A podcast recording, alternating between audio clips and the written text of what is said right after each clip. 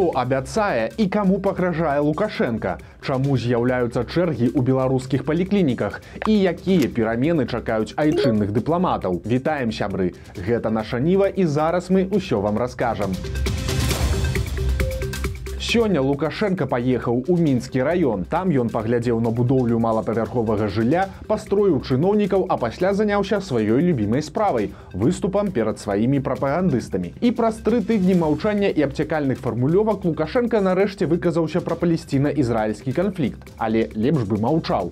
Бо у тым, што зараз адбываецца ў Ізраілі і газе, на думку Лукашэнкі вінаватыя ЗША цытата. Амерыкосы закручваюць там зараз гэтую усюканіцель лукашенко хвалюецца што менавіта з блізкага ўсходу і можа пачацца трэцяя сусветная. Маўляў калі ізраиль пачне вайну з іранам пачнецца эскалацыя і ўцягванне іншых краін у канфлікт але нагаварыў лукашенко не толькі пра геапалітыку. Ён парадаваўся перамозе апазіцыі ў польльшы але зноў паўтарыў што мігранты якія атакуюць суседзяў з тэрыторыі беларусі гэта такі яго адказ на санкцыі. І спыняць поток мігрантаў мігрантаў ён не збіраецца. Таксама Лукашенко загаварыў пра беларускія цэны і на яго думку дзяржаўнае рэгуляванне цэн рашэнне вельмі правільнае. Прабачце за рускую мову, але гэта цытата Лукашенко, бо жыра столькі накапілі, асобена торговыя сеці, што есть дзе его снимаць. Цяпер здаецца, ён збіраецца гэтым заняцца. І зноў цытата Лукашэнкі. Еще есть жирок, который можна шліфаваць у наших производителей і торговлі. Ну і падобна, што улады хочуць забіраць дыпломы у дактароў, якія не працуюць па спецыяльнасці. І зноў цытата лукашэнкі. Так дзесьці ў нас не хапае лекараў. Некаторыя лекары збеглі са сваёй прафесіі і чорт ведае чым займаюцца. З часам мы гэтую праблему вырашым. Ёсць у мяне варыянты. Ты лекар ідзі працуй. Не дык пакладзі дыплом. Калі ты не працуеш які ты дыпламаваны лекар? Гэта значыць парадак трэба навесці канец цытаты. І ўвогуле сёння лексіка лукашэнкі трохі здзівіла. Ён ніколі асабліва не выбіраў словы але цяпер зусім перайшоў на нейкія дваровыя выразы. Амерыканцы у яго амерыкосы, якія абкакаліся, у гандляроў трэба шліфаваць жырок, віцэ-прэм'ера снапкова ён дапрашываў, а ў адукацыі навелі парадачак. І напрыканцы у лукашэнкі з'явіўся нстаграм. Дакладней не ў яго асабіста, а ў яго прэс-службы. Весці старонку падобна будзе яго прэс-сакратарка Наталія Эйсмент. Падпісчыкаў там пакуль не шмат. Але ж улады заўсёды, калі ім патрэбна масоўка ідуць у одно месца у адукацыю. Таму калі педагогаў прымушаюць падпісвацца на дзяржаўныя газеты і тэлеграм-каналы, то можа школьнікаў і студэнтаў цяпер прымусіць падпісацца на інсту лукашэнкі. А учора Лукашенко падпісаў указ, які тычыцца працы дыпламатаў. Цяпер, калі ў вашай жонкі ці мужа ёсць замежны дазвол на жыхарства ці хаця б карта паляка, кар'ера беларускага дыпламата вам не свеціць. Калі такія дакументы ёсць у вашых іншых блізкіх сваякоў, то пытанне прыёма на працу будзе ўзгадняцца з КДБ.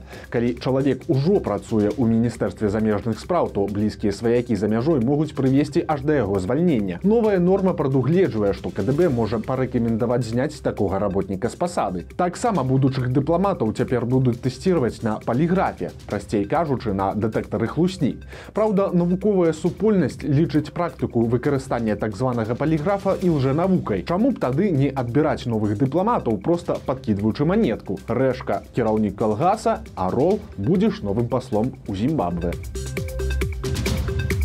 чыноўнік патлумачыў чаму з'яўляюцца чэргі пацыентаў у беларускіх паліклініках. Недахоп медыкаў сезон захворванняў. Не павел удоц камітэта па ахове здароўя мінгарвыканкама лічаць інакш. Цытата. Такая сітуацыя не толькі ў мінску. Яна можа быць у любой паліклініцы нашай краіны таму што людзі прывыклі так жыць канец цытаты. На думку удота людзі не хочуць браць квіткі ў электронную чаргу і лезуць без талонаў, таму маўляў, самі і вінаватыя.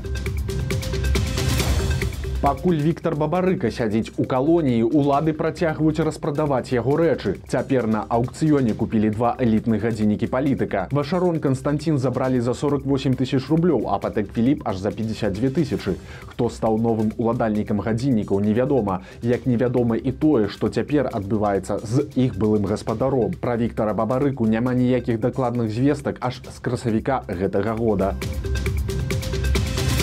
Нядаўна быў хапун у гомельскай вобласці, а цяпер затрыманні адбываюцца ў гродзенскай. У лідзе сілавікі прыйшлі на завод лідскага піва. Вядома, як мінімум пра шасцярых затрыманых. Таксама дваіх мужчын схапілі ў ваўкавыску. Ім ставяць у вінуры посты ў садсетках. Акрамя таго, затрыманні праходзяць на навагрудскім масларобным камбінаце. Не менш за тры чалавекі затрымалі на навагрудскім заводзе газавай апаратуры. Некалькіх работнікаў схапілі ў гродзенскім занальным інстытуце раслінаводства нацыянальнай акадэміі акадэміі навук, які знаходзіцца ў шчучыне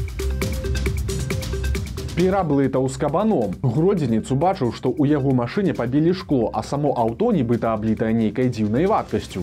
Мужчына пайшоў у міліцыю і хулігана хутка знайшлі. Затрыманы расказаў дзіўную версію. Маўляў, ён падумаў, што гэта не машына, а дзік. Вось і вырашыў даць зверу адпор. Праўда, для барацьбы з выдуманым дзіком мужчына выбраў дзіўную стратэгію. Ён штурхнуў камень у вакно, а пасля памачыўся на аўтамабіль. Страшна уявіць, што магло б здарыцца, калі б ён пераблытаў машыну з мядзе медведем але ж цяпер змагара з дзікамі чакае крыміналка за хуліганства і суд.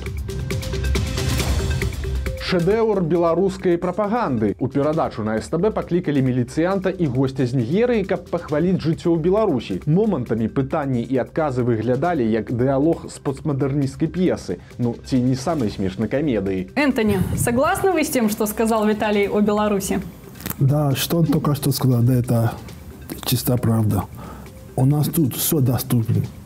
Медицина бесплатно. Транспорт, все у нас тут все доступно. Да, я согласен. Про еду белорусскую что скажете? Это, да. Что любите из белорусского? Я молоко люблю. Молоко? Да. Вкусное? Да, хорошо. Что готовите? Разные. Много. Например? Борщ. Борщ. Да. Про транспорт вы сказали, да? Часто пользуетесь общественным транспортом? Да.